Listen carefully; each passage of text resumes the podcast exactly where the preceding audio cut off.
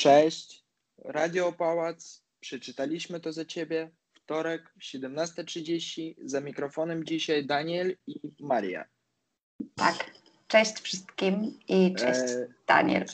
Cześć, cześć Mario. E, Dzisiaj e, omawiamy książkę, która się nazywa Ukochane równanie profesora autorstwa Yoko O- Ogawa. Znów mówimy o Japonii. Znów mówimy o Japonii. E, Tak, jakby tutaj dodam, że jest to książka w przekładzie Anny Horikoshi.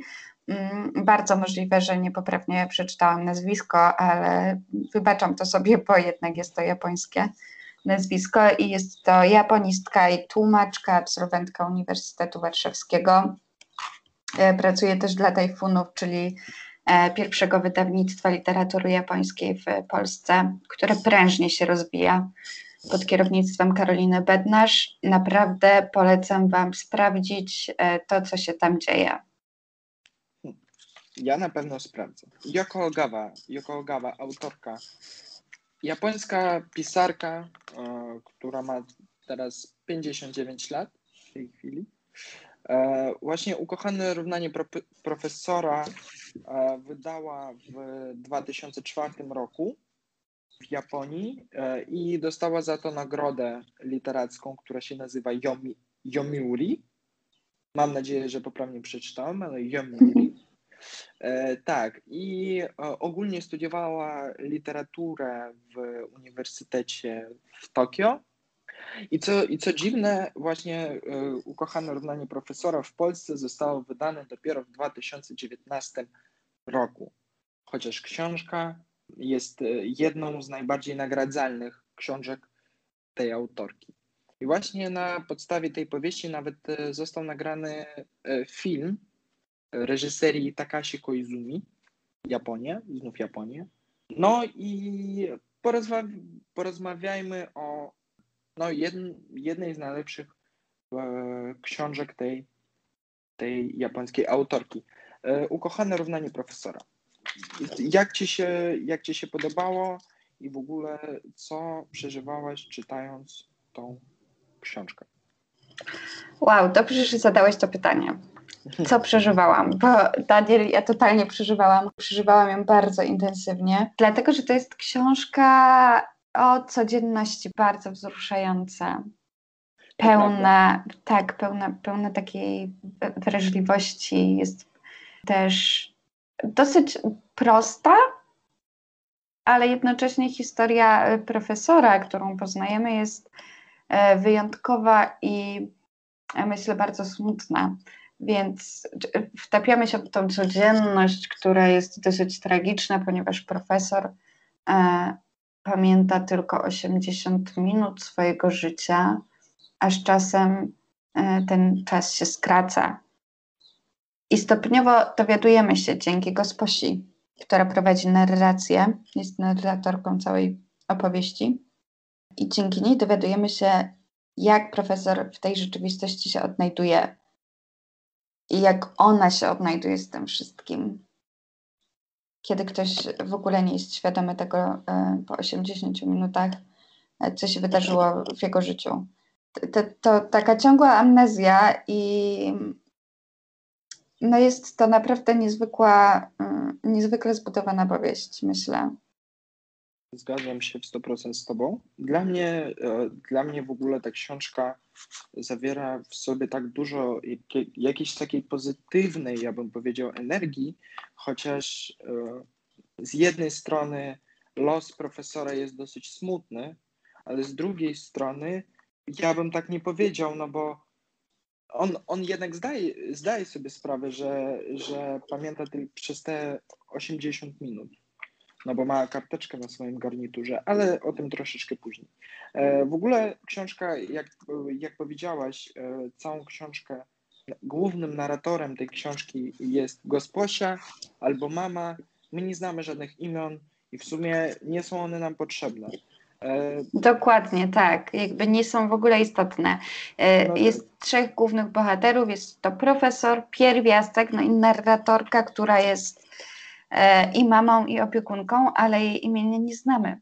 No tak, ona jest e, samotną mamą, wychowuje swoje dziecko, które ma 10 lat, chłopak, którego profesor nazywa pierwiastkiem przez całą książkę, i cały czas, jak tylko wspomina, jakby, jak tylko widzi pierwiastka, no bo pamięć ma 80-minutową, to mówi, że pod taką przykrywką zazwyczaj mieści się bardzo inteligentna zawartość i dlatego będę nazywał cię pierwiastek. I za każdym razem nazywa go pierwiastkiem. E, tak, e, książka się w ogóle zaczyna od tego, że e, sama gosposia jakby opowiada o profesorze, o tym, E, jaki, jaki to jest człowiek, e, jaki on jest miły, jaki on jest, no, powiedział, uczciwy, wychowany, e, ale tak naprawdę nic na samym początku, no, za bardzo nie wiemy na samym początku. Więc później narratorka zaczyna od tego, jak w ogóle przyszła do pracy do, profesor, do domu profesora. E, ona pracuje w agencji, która się zajmuje jakby agencja gospoś, tak można no, powiedzieć. Coś takiego, tak, tak. opiekunek może o, bardziej. Tak, agencja opiekunek e, i ona przychodzi do swojego dyrektora i on jej podaje jakby CV profesora na którym jest napisane takie dziewięć gwiazd, dziewięć gwiazdek. E, gwiazdki to oznaczają, że jakby klient jest bardzo dowcipny, jest e, konflikty, konfliktny i te dziewięć gwiazdek oznaczają to, że konfliktowy. konfliktowy, przepraszam, konfliktowy. I te dziewięć gwiazdek oznaczają, że dziewięć opiekunek już straciło pracę przez, e, przez to, że nie spodobały, nie spodobały się profesorowi. No tak, właśnie już na początku się dowiadujemy, że profesor ma bardzo duże wymagania i wydaje się on być takim, taką jedną wielką zagadką, tak? E, kim on jest, dlaczego, dlaczego nikt u niego nie zostaje, e, co pojawi się w tej historii, co spotka tą naszą bohaterkę później, z czasem. Tak, tak. I ona przychodzi y, do niego do domu i ona jest jakby dziesiątą e, opiekunką, która próbuje, próbuje pr pracować u profesora i przychodzi do profesora w pierwszy dzień, e, w pierwszy dzień pracy i e, jest tam taki opis profesora, który tak naprawdę wystawia go w nie najlepszym świecie. Jak na samym początku narratorka mówi, że to jest e, kochany człowiek, jak ona bardzo go lubi tak naprawdę i jak jest zachwycona tą osobą, to na samym początku on, no nie to, że się jej nie spodobał, ona, ona go nie, nie za bardzo rozumiała, o co tutaj chodzi. Przyszła do jego domu i e, była, był tam, była tam druga osoba oprócz profesora, to była e, wdowa jego starszego brata która też jakby opiekuje się z jednej strony profesorem, bo, no bo jak powiedzieliśmy, ma całkowitą amnezję. Jest trochę skazana na życie z profesorem, przez to, że e, on nie jest samodzielny mm, i jest zależny od niej. E, ona też odziedziczyła majątek e, po swoim zmarłym mężu, który, no wiadomo, brat profesora, tak?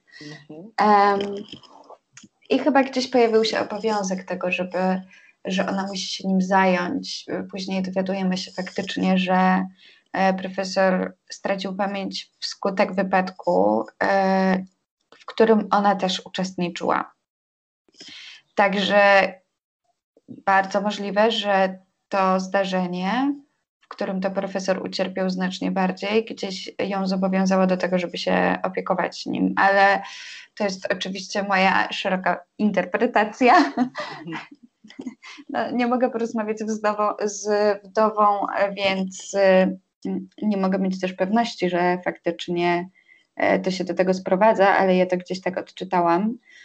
I wdowa bardzo szybko wprowadza gosposię w świat profesora, tak naprawdę rzucają na głęboką wodę e, i pierwsze spotkanie mm, naszej bohaterki z matematykiem, bo tym, tym właśnie zajmował się profesor matematyką i liczbami, e, jest takie, że on zadał jej bardzo proste pytanie. Tak proste, że no, byłabym bardzo zdziwiona, gdybym je usłyszała i skonfundowana jednocześnie.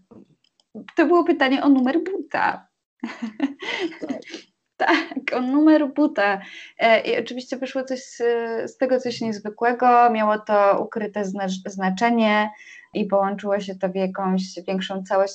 Miało to znaczenie dla profesora, ale tylko przez 80 minut. Przy, przy rozmowie z wdową nasza, nasza narratorka dowiedziała się, że właśnie jak powiedziała, że był wypadek samochodowy i lekarze po prostu nie, nie dali rady uratować jakiejś części mózgu profesora i jakby przez to, że ten wypadek był 18 lat temu, profesor pamięta wszystko, co było przed tym wypadkiem. Jego pamięć żyje tylko 80 minut, tak? Tak. I jedyne, jedyne, co profesor tak naprawdę lubi w swoim życiu, to są liczby i to jest matematyka. W ogóle bardzo y, y, ciężko się za, zakochać w matematykę. Bardzo ciężko się zakochać w matematykę, ale y, ta książka jest, w niej jest tak dużo liczb, tak dużo tych równań, ale jakby, jakby wydaje się, że jest tych dużo, ale są tak dobrze dopasowane do tej całej historii, w ogóle do e, samej, do samego profesora, że to ci w ogóle nie dziwi i z jakimś, e, z jakimś czasem, no jakby jak czytasz, to też ja, ja zacząłem jakoś inaczej patrzeć, na, patrzeć na te wszystkie liczby, liczby i równania, tak. I tak, ja też.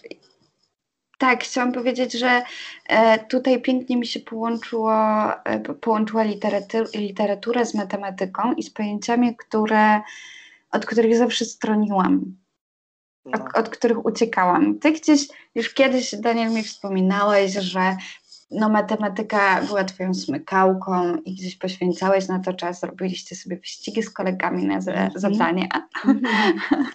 Tak, ja w ogóle e, tego nie miałam. Ja raczej uciekałam z koleżankami z lekcji matematyki i wagarowałam wtedy, bo bardzo, bardzo nie umiałam w matematykę, e, nie umiem w system nauczania matematyki w Polsce e, i to był chyba ten największy powód, dla którego tak się działo, więc teraz weszłam w tą książkę, która jest pełna pojęć, matematycznych, jest dużo o liczbach pierwszych, naturalnych.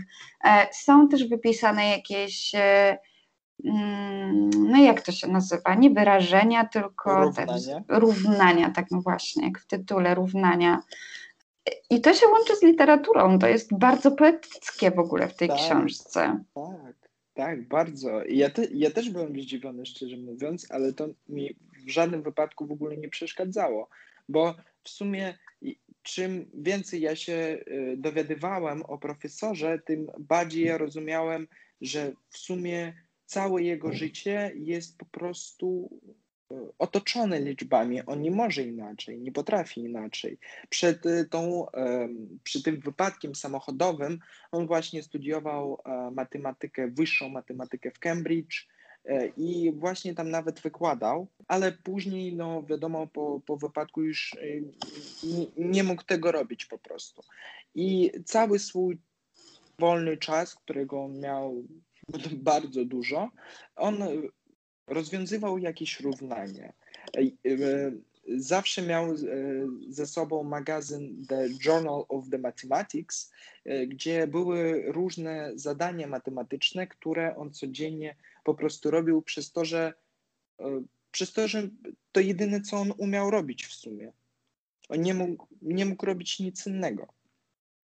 I wyglądał przy tym profesor też, e, ja bym powiedział, no nie to, że dziwnie, tylko tak, nawet nie wiem, jakie słowo mia, miałbym podobne, a trochę tak, no, był, był No chyba stary. trochę dziwnie, tak jak powiedziałeś, bo jednak to jest, tak, stary facet, który znaczy starszy pan, okay.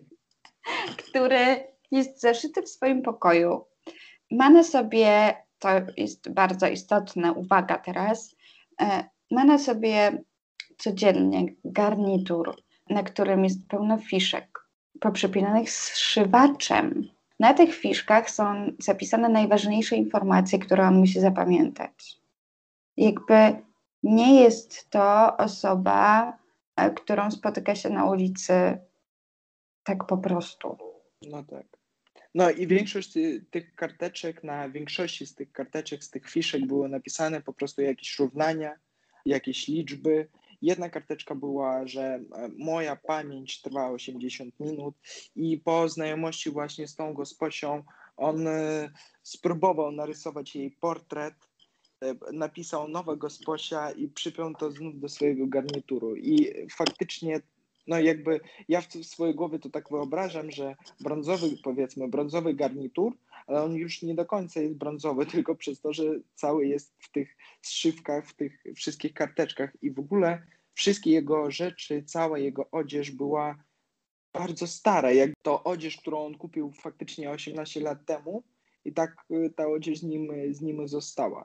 Gosposia zaczyna pracować u niego i na samym początku ona, ona nie za bardzo rozumie, jak ma się zachowywać, bo e, profesor, powiedzmy, po prostu leży albo siedzi na sofie, później nagle wstaje i idzie do swojego pokoju, i ona nie rozumie, jak ma na to reagować. A tak naprawdę w swoim pokoju on jedyne co robi, to właśnie bawi się z liczbami. Raz ona spróbowała do niego podejść i coś spytać, czy co by pan chciał na kolację, coś panu przygotować, e, na co on, no, powiedziałbym, nawet agresywnie zareagował powie e, i powiedział, żeby ona mu nie przeszkadzała, bo jest jakiś ważny moment. Więc ona, ona później zrozumiała, że pytać coś u profesora to bez sensu, więc, e, więc sama wymyśliła dla niego jakąś dietę. No i jakoś próbowała użyć się razem, e, razem z tym profesorem. Tak, i, i w miarę, kiedy oni już sobie ułożyli, powiedzmy, wspólną codzienność, pojawił się nowy bohater, e, który zaistniał w świecie profesora. I jest to właśnie pierwiastek, o którym powiedziałeś już wcześniej, pierwiastek syn gosposi. E, profesor dowiedział się o nim chyba bardzo niespodziewanie, kiedy nasza bohaterka wspomniała o tym, że spieszy się, bo mm, no bo syn czeka chyba na kolację, coś było, coś takiego. I wtedy nasz starzec bardzo się tym przejął. Był niezwykle zaaferowany, kazał gosposi już zostawić to, co robiła, e, a lepiła chyba wtedy mielone kotlety e, i poprosił ją, a wręcz kazał jej wracać do syna i nie mógł przeżyć tego, że ten syn e, przez długie godziny jest sam w domu i musi zajmować się sobą, nie mając opiekunki, e, nie mając rodzica, który e, mógłby go otoczyć opieką. Tak. I on zawsze zaczął jakby wymieniać jakieś takie najgorsze scenariusze, a jakby, a może coś się stanie, a może jakiś nóż, a może on jakoś upadnie. On za, od razu zaczął bardzo, bardzo panikować i jakby nasza gosposia, ona od razu zrozumiała, że lepiej go nie dotykać i po prostu e, powiedziała, że okej, okay, okej, okay, niech tak będzie, teraz po szkole pierwiastek będzie przychodził tutaj, e, ona się dogadała o tym e, z dyrektorem swojej agencji, z wdową, no bo po prostu no, to jest chcianka klienta z jednej strony. Więc y, dyrektor jej na to pozwolił, chociaż w, książkę, w książce ona pisze o tym, że to jest jakby zabronione w ich agencji, aby dzieci w ogóle e, przychodziły, przychodziły do klienta, ale tutaj, tutaj jej na to pozwolili. Profesor bardzo szybko się zmienia. Wcześniej gosposia go opisywała jak bardzo człowieka takiego nieaktywnego, który za bardzo nie rozmawia, który jakby jak siedzi przy stole, to jedzenie mu wypada z ust, kiedy, kiedy on je, ale jak tylko przechodzi pierwiastek, to on w ogóle zaczyna być e, drugą osobą. Od razu zaczął zagadywać pierwiastka, od razu zaczął, e, zaczął z nim rozmawiać, od razu chciał wiedzieć wszystko o jego życiu i naprawdę i co też narratorka opisuje, to że przy stole u niego pojawiły się jakieś maniery, chociaż wcześniej ich nie było. On potrafi być taki jakby uczciwy przy stole, powiedzmy, tak? I on może jeść normalnie, ale dlaczego wcześniej tego nie robił? Tak, wcześniej się nie starał. Gospisza no tak. w ogóle nie było dla niego tak istotne, ale kiedy tylko pojawił się pierwiastek, to faktycznie on poczuł, że musi się jakoś zachowywać. I to robił. Tak, pierwiastek, y, no jak powiedziałem wcześniej, to jest chłopak 10 y, lat, i który jest zakochany w baseball. Cały czas gra z chłopakami tam y, na ulicy i w sumie jednym, jednym z niewielu tematów, o którym rozmawiał pierwiastek z profesorem, to właśnie był baseball i my się dowiadujemy, że profesor też, kiedy studiował, bardzo lubił ten baseball. A dlaczego lubił ten baseball? No bo baseball jest w sumie złożony z liczb. On cały, cały składa się z liczb, tam touchdowny, nie touchdowny. Właśnie w tej książ książce też dużo, dużo opisów w ogóle o regułach baseballu, nie wiem, może ktoś jest zaciekawiony. I dużo, dużo różnej statystyki, co właśnie się podobało bardzo profesorowi, chociaż nigdy na meczu baseballowym on nie był. Tak, to było dosyć e, niestandardowe ujęcie e, samego baseballu, prawda? Profesor tam przedstawiał swoją rzeczywistość matematyczną za pomocą, za pomocą baseballu, za pomocą meczu. Tutaj było mocne zderzenie w kontekście tego, że pierwiastek był bardzo zaaferowany baseballem, a tym, że profesor nigdy na meczu baseballa właśnie nie był i że pozyskiwał wcześniej informacje z gazet, co było abstrakcyjne dla tego dziecka które mhm. zna telewizor i które zna radio i które ma możliwość pójścia na mecz. E, I tutaj pokazuje, ukazuje się przed nami też ta przepaść pokoleniowa i te różnice, w których oni żyli i w których profesor się zatrzymał i nie poszedł dalej. On się nie rozwinął w tym. No tak. Nie rozwinął no i... się e, razem ze światem, on zatrzymał się w 1975 roku. Tak. Też y, jak tylko zaczęli rozmawiać o tym baseballu, profesor pyta u pierwiastka, czy Enatsu gra za drużynę Tigers. Pierwiastek mu odpowiada, a Enatsu już skończył karierę w ogóle.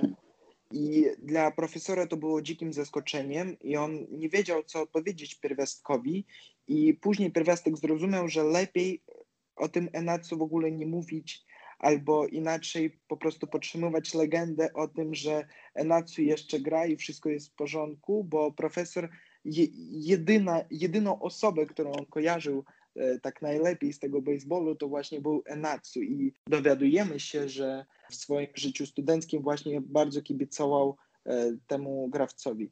temu graczu. Graczu. Graczu?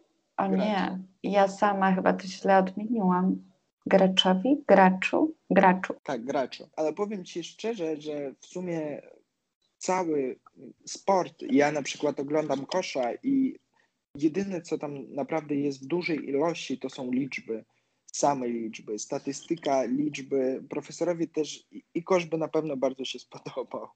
Mm, jest mi to zupełnie obce, więc nawet nie wiem, co mam Ci powiedzieć, ale możemy kiedyś obejrzeć jakiś mecz razem. Nie, ja, ja tak, Może zobaczę te statystyki tam.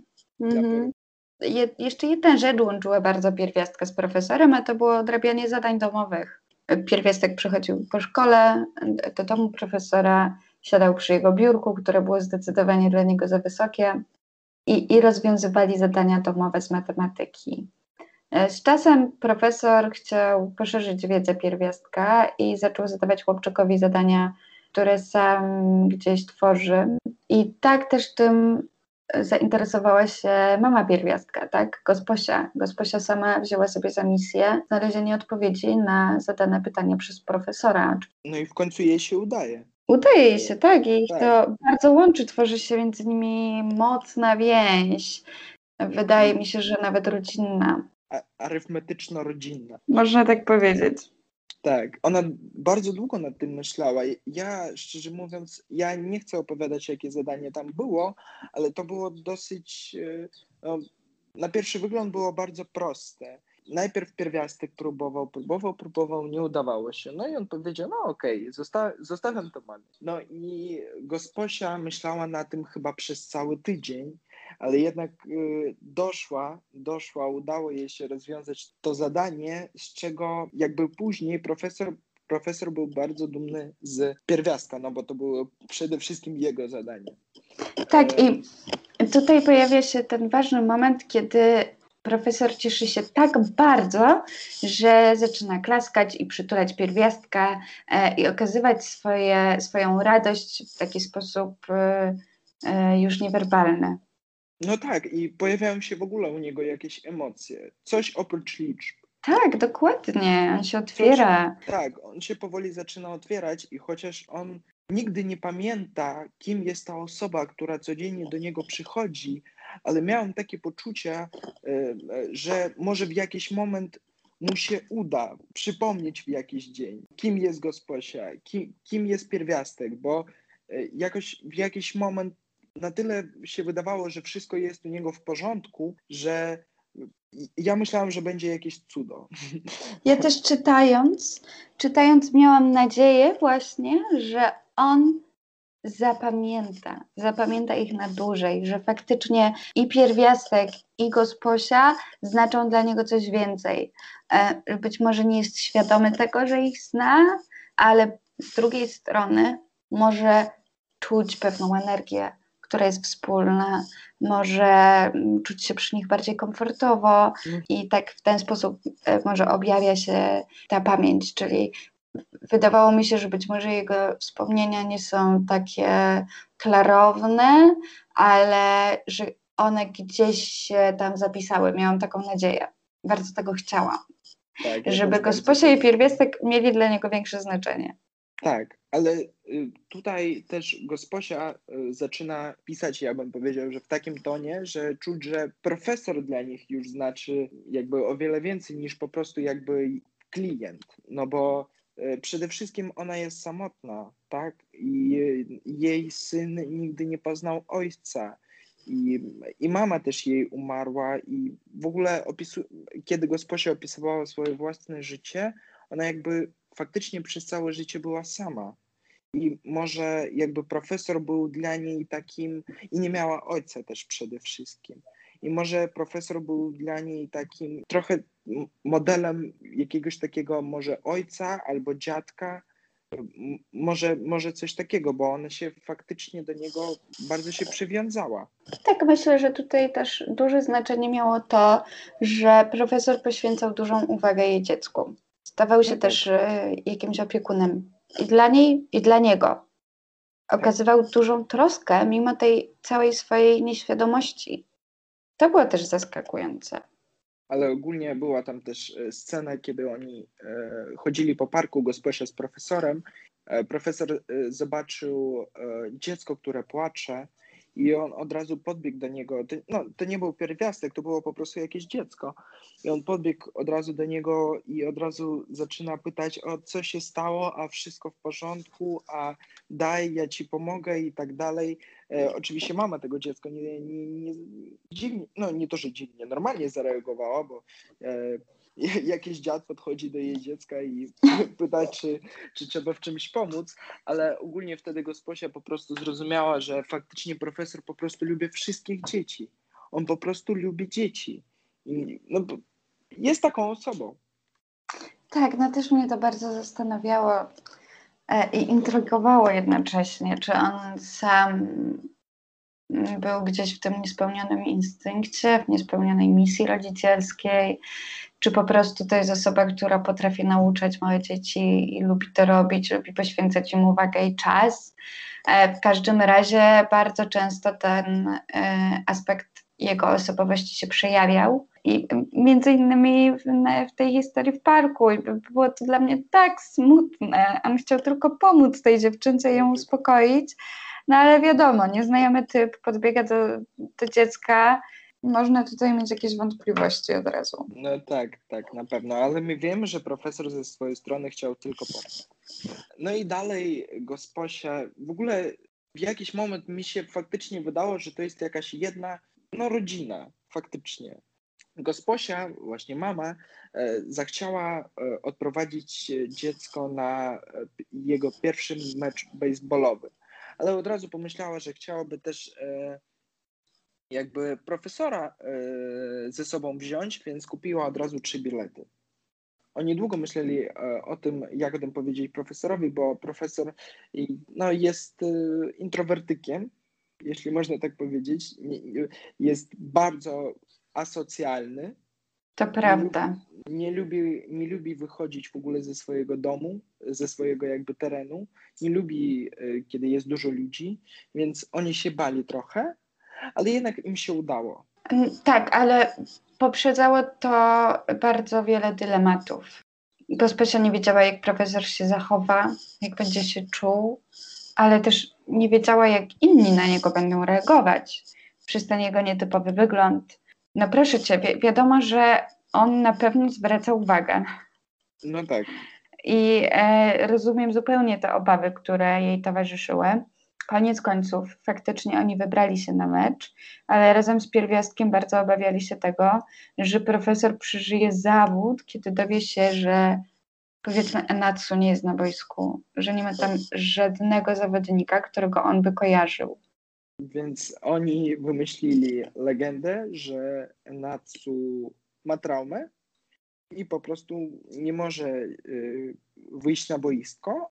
Tak naprawdę nie do końca wiadomo, czy profesorowi się spodobało. Jakby z jednej strony, czytając y, tą y, część o meczu, mi się wydawało, że on naprawdę jest w zachwycie, ale z drugiej strony, no, nie wyrażał jakoś za bardzo swoich emocji, ale to, to chyba raczej od tego, że no, tłum ludzi, e, mu jest niewygodnie, on nigdy nie był na, no, na, tak, na meczu, na stadionie. No, wow. Tak jest. No i też e, właśnie na tym stadionie też była taka no, trochę miła scena, kiedy pierwiastek e, kilka razy prosił, aby mama mu kupiła sok, a profesor za każdym razem mówi nie, nie, nie teraz, nie teraz. I gość się o niego pyta, dlaczego, no, dlaczego my nie możemy kupić sok? A on mówi, my kupimy sok u tamtej dziewczyny, która chodziła tam powiedzmy w dwóch rzędach od nich. I oni czekali, dopóki ta dziewczyna do nich podejdzie i e, kupili sok właśnie od niej, no bo ona się po prostu profesorowi spodobała. To też takie dla mnie było miłe, dlatego że e, profesor nigdy nie ukazywał, nie dawał swoją uwagę dla żeńskiej płci w ogóle w tej książce, a tutaj jednak się okazało, że wszystko, wszystko jest okej. Okay. tak. E, jakby jego postać w ogóle nie była powiązana z tym, z tymi relacjami damsko-męskimi, czy po prostu miłosnymi. O, tak, w ten sposób. Tak. E, romantycznymi. A tutaj się okazało bardzo niespodziewanie, że profesor ma ochotę na flirt. E, koniec końców udało mu się zagadać do tej dziewczyny i kupić od niej sok. Kupił też więcej, co było jednoznaczne z tym, że kupił to dlatego, że ona mu się podobała. No na pewno. tak, ale... Wszyscy faceci tak robią. Baby na pewno też. No, w sumie. I tak, i e, co, co jest ważne, dru, drużyna, której kibicowali, wygrała w tym meczu. Więc e, na, e, na dobrym flow oni jadą do domu. I gosposia widzi, że no, nie to, że z profesorem jest coś nie tak, albo, albo po prostu jest zmęczony, albo po prostu przez to, że w autobusie jest dużo ludzi, niewygodnie się czuje, ale ona poczuła, że jakby coś jest nie tak. Kiedy e, przyjechali do domu, profesor po prostu się położył na swoim łóżku, no bo, no bo po prostu chyba był zmęczony, a ona zauważył, zauważyła, że ma gorączkę. Tak, profesor zaczął gorączkować. Nie było tam też żadnych leków, które ona mogłaby mu podać. Postanowiła się więc, mu, więc nim zaopiekować bardzo prowizorycznie. No nie wiem, podając lód, y, podając też dużo wody, picie. Um, zadbała o to, żeby, żeby był przykryty i mógł się wypocić. Nie wiem, tak też obstawiam. Mhm. Um, Szczerze mówiąc, nie było to tak szeroko opisane. Ale to, co chciałam powiedzieć, to, że postanowiła zostać na noc razem z pierwiastkiem, ponieważ nie wyobrażała sobie pozostawić profesora samego, e, kiedy jest w takim stanie, bez opieki. Mhm. Tak, ale e, to jest zabronione. E, to jest zabronione dla jej pracy, żeby zostawać w ogóle na noc u klienta. To jest. E, wdowa po prostu powiedziała, że ona tutaj już nie pracuje. No tak, ona jeszcze w międzyczasie dostała wezwanie na rozmowę. Tak. Przez swojego kierownika, tak, czy dyrektora. On powiedział jej o, o tym, że wie, że ona nocowała u profesora, że złamała regulamin, mm, a kontakt z tak. profesorem urwał się tak o. I to, co było dla mnie bardzo ciekawe, to to, że ona powiedziała o tym, że boi się tego, że profesor nawet jej nie pamięta. On faktycznie jej nie pamięta.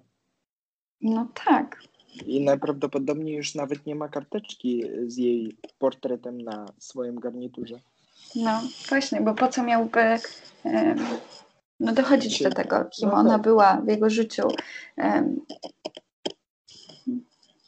Tak, i no ona zaczyna pracować u drugiej rodzinie i jej się bardzo nie podoba. No bo no bo to nie jest profesor, tak? Ona się przyzwyczaiła już do, do pracy profesorem, a tutaj już jakieś nowe zasady.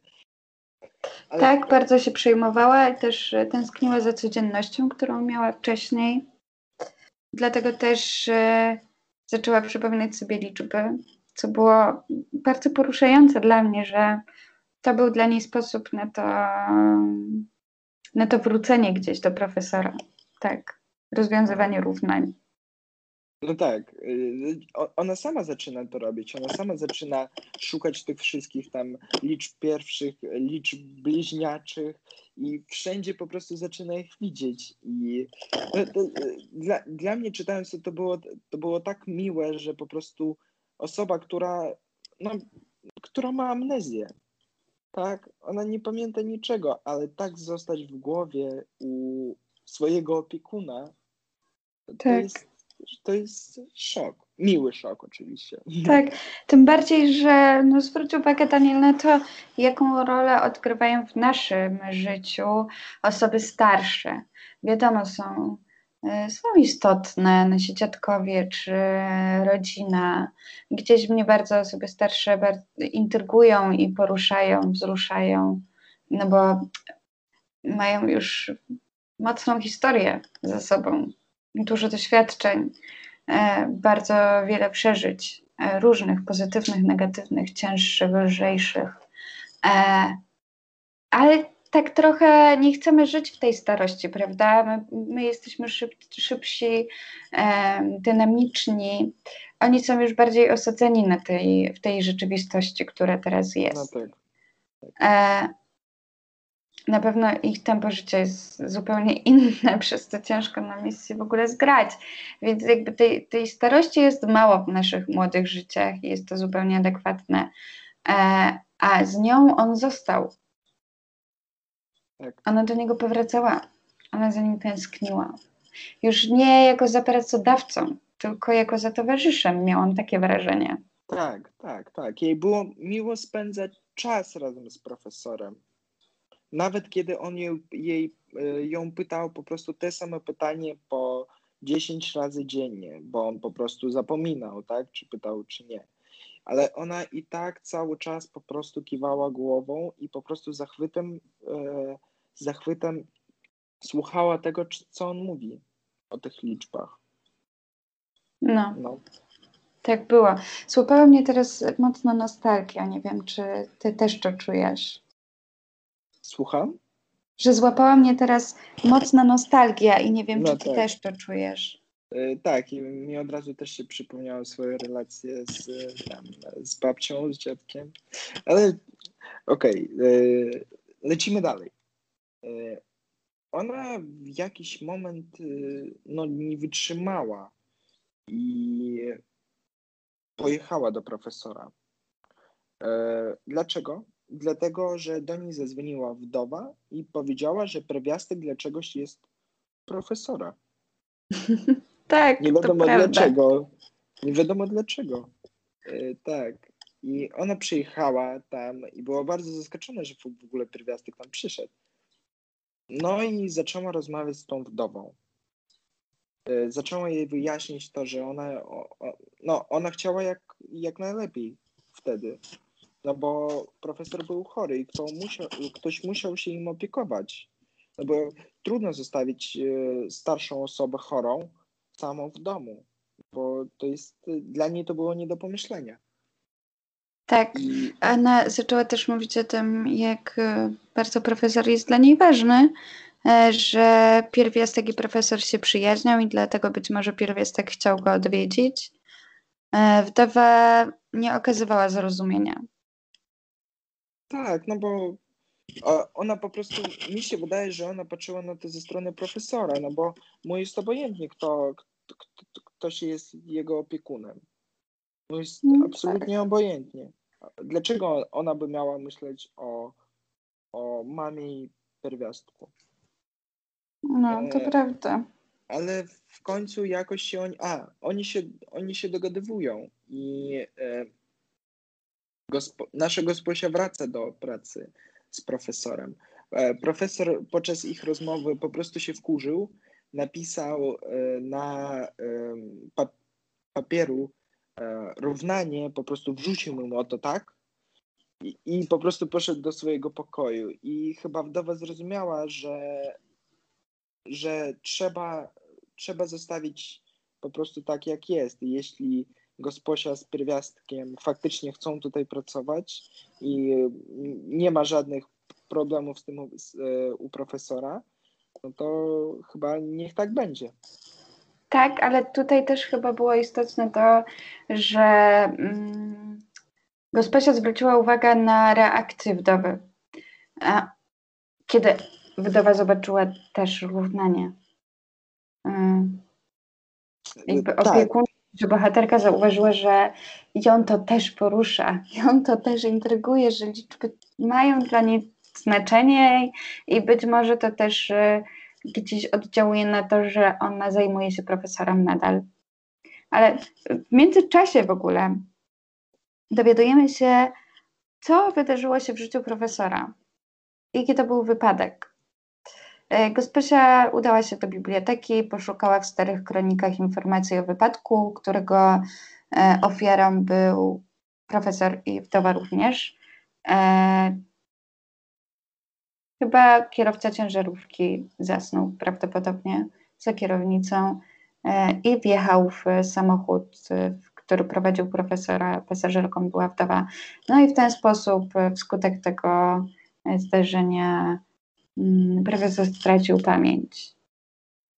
myślę, że to jest dosyć ciekawe. Tak. Wyjaśnia tak. całą tą przypadłość. E, tak. I gosposia Y, znów, no jakby znów wraca do swojej codzienności, do swojej miłej, kochanej codzienności e, i w ogóle przychodzi taki dziwny moment, kiedy ona po prostu przychodzi y, też do pracy e, i znów widzi wdowę, e, która, która jej mówi, że niestety pani znów nie będzie tu pracować, tylko przez to, że profesor po prostu musi już pojechać do domu starców. Po prostu tam im opiekować się jednak będą o wiele lepiej, plus i sama gosposia i chyba wdowa zaczę, zaczęły zauważać, że pamięć już działa nie 80 minut a jakieś już 75, 70, więc e, chyba wdowa postanowiła, żeby e, zanim był e, jakby codziennie zanim śledzili no, w tym domu starców. I ja na samym początku, czytając tą książkę, zaczynając czytać tą książkę, ja wiedziałem, że profesor, no w końcu profesor umarł. Jakby to jest logiczne zakończenie tej historii. ale ja myślałam, że e, to będzie no, może jakaś tragiczna tak, e, śmierć, albo może to się, ta książka cała się przekształci w jakiś faktycznie dramat. Ale nie. Ale nie. Zupełnie nie, to prawda. Tak. Wszystko, wszystko w porządku. Co miesiąc gosposia z pierwiastkiem przyjeżdżali do tego domu starców i cały czas jakby profesor zostawiał tą karteczkę, on zostawił tą karteczkę z jej portretem i e, z tym e, znakiem pierwiastka i faktycznie może, może nie, pamięta, e, nie pamiętał ich na co dzień, ale zawsze wiedział, że on jakby przez to, że ma karteczkę, karteczkę na garniturze, to znaczy, że jednak te ludzie są ważne dla niego. I profesor umiera, kiedy pierwiastkowi już jest 22 y, i, i ta książka po prostu się kończy. Tak, Na kiedy pierwiastek ma 22 lata. Tak. No, w końcu. W końcu Cudownie to powiedziałeś. No, 12 lat profesor jeszcze, jeszcze przeżył w tym, e, w tym domu starców. I ja chcę zadać Ci takie pytanie ciekawe. E, jaka jest Twoja ulubiona scena z tej książki? To zapewne, słuchaj, ja też Ci chciałam zadać to pytanie. E, tak, to jest scena, kiedy profesor e, tłumaczy liczby doskonałe w szpitalu. Nie wspominaliśmy o tym, ale był taki moment, kiedy profesor razem z opiekunką i pierwiastkiem musieli pojechać do szpitala z powodu pierwiastka, nie z powodu profesora. I tam profesor właśnie w poczekalni mm, po zrzuceniu całego stresu i napięcia tej ciężkiej sytuacji zaczął się odprężać i automatycznie uciekł w liczby. Zauważył na jakimś plakacie informacyjnym y, zależność, która odpowiada liczbom doskonałym. I bardzo mnie to zaintrygowało, że on powraca do liczb bardzo intuicyjnie i w ten sposób widzi świat i rzeczywistość. To bardzo gdzieś e, we mnie utkwiło. Jeszcze była taka mocna scena, kiedy to z kolei gosposia zrozumiała, jak wyglądają poranki profesora. Nie mogłam w ogóle e, pominąć tej sceny, bo jest ona niezwykle istotna według mnie. E, profesor siedzący na łóżku, już w garniturze i czytający każdą fiszkę, e, kiedy próbuje zrozumieć, o co właściwie chodzi.